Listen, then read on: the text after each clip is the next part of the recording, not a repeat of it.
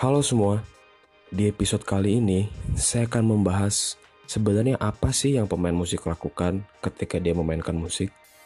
Ketika kita mendengarkan pemain musik memainkan instrumennya atau dia memainkan suatu karya musik tertentu, sebenarnya ada proses apa? Sehingga musik yang tadinya hanya sebatas perangkat notasi atau skor musik bisa dimainkan dan kenapa setiap pemain musik bisa berbeda cara memainkan suatu karya dengan pemain musik lainnya. Sebelum lanjut, saya mau berterima kasih kepada kawan saya, Henry Yuda, seorang peneliti muda dan pemain gitar klasik yang sudah mengizinkan hasil reviewnya dibahas untuk episode ini. Tulisan aslinya ada di blog Abstraksi Musik, bisa dicek langsung ya.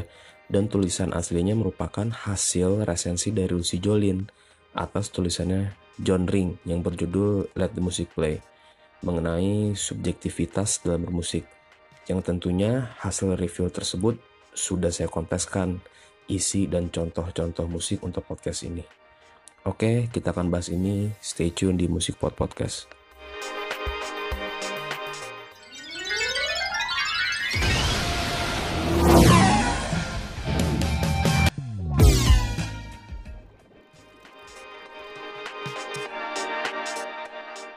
Banyak pandangan yang mengira bahwa pemain musik jika dibandingkan dengan komponis atau penulis lagu selalu dianggap rendah dikarenakan pemain musik hanya sekedar memainkan apa saja yang diinstruksikan komponis atau penulis lagu melalui notasi atau skor musik.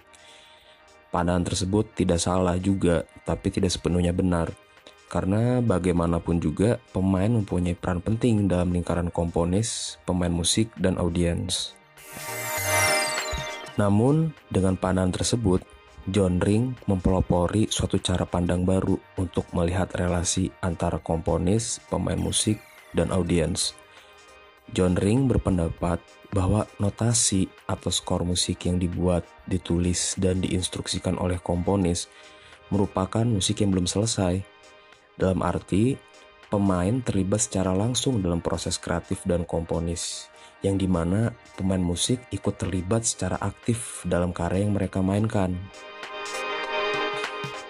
Kita pernah mengalami ketika kita mengunjungi suatu pertunjukan, suatu konser, atau mendengarkan musik, kita pernah membaca suatu sinopsis karya tersebut, atau kita membaca suatu program konser dan kita mengetahui judul-judul dan karya-karya yang akan dimainkan oleh pemain musik dan secara aktif kita membayangkan musiknya akan seperti apa. Mungkin saja kita mengatakan hmm, konser nanti akan ceria nih karena akan banyak karya-karya yang bertema tarian. Atau kita dijelaskan oleh pembawa acara atau pemain musik bahwa musik yang akan dibawakan merupakan karya-karya musik yang sedih karena banyak membawakan karya-karya yang minor. Atau dari semua hal tersebut kita diinstruksikan dengan mood-mood tertentu akan tetapi, jika kita membebaskan pikiran dari hal-hal yang diinstruksikan, sebenarnya kita dapat menemukan hal lain yang bisa saja tidak berkaitan dengan sinopsis-sinopsis karya musik yang akan dibawakan.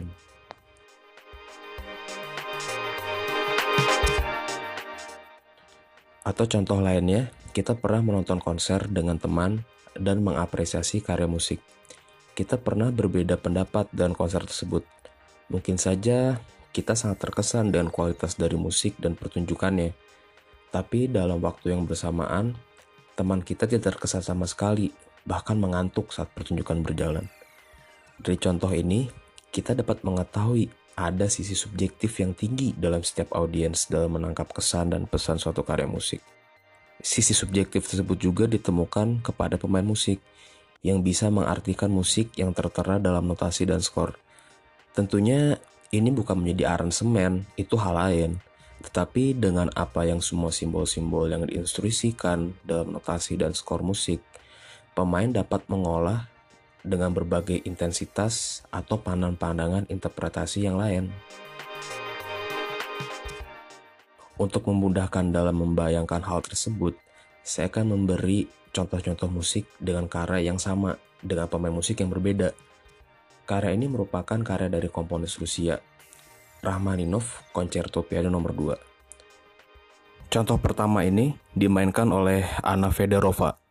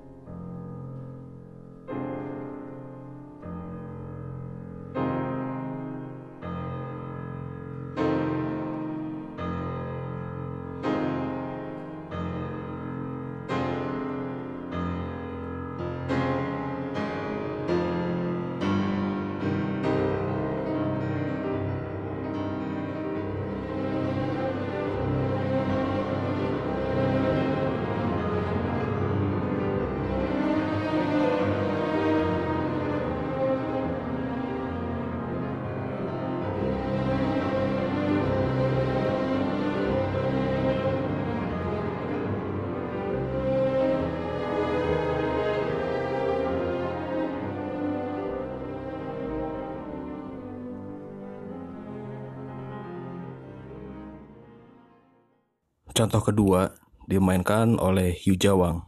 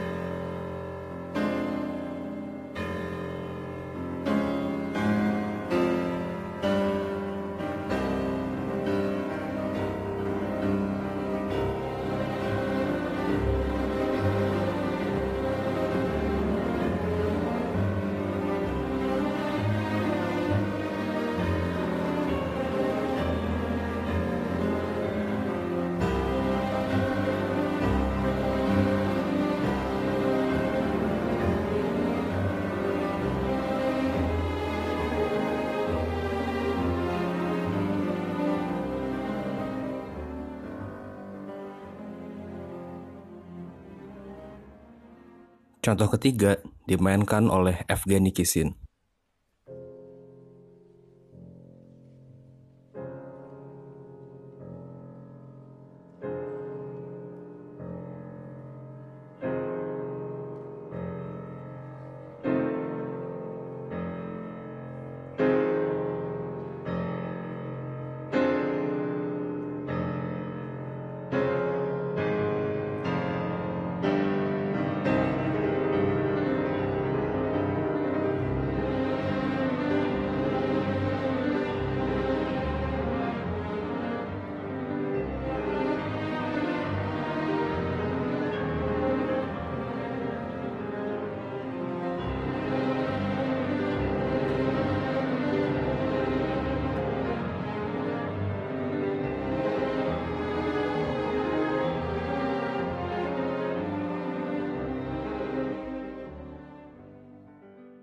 Contoh keempat dimainkan oleh Song Jin Cho.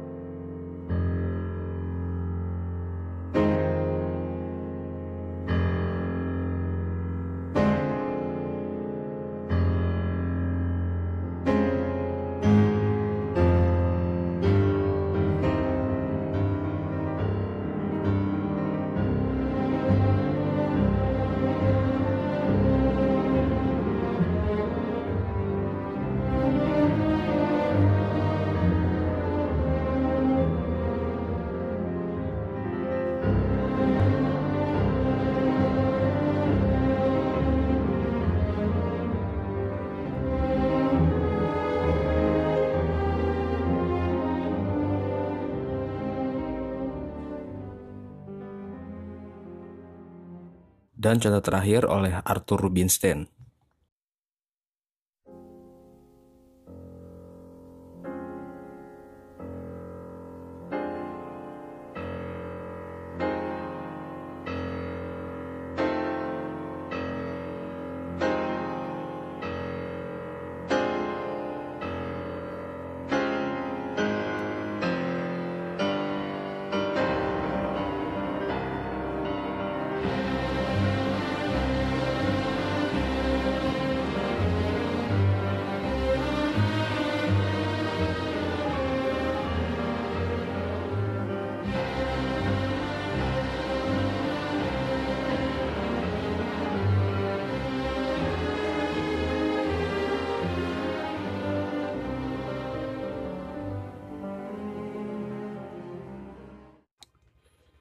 Dari contoh tersebut, kita bisa merasakan perbedaan antara karakter pemain-pemain dan penekanan-penekanan yang berbeda dari setiap pemain.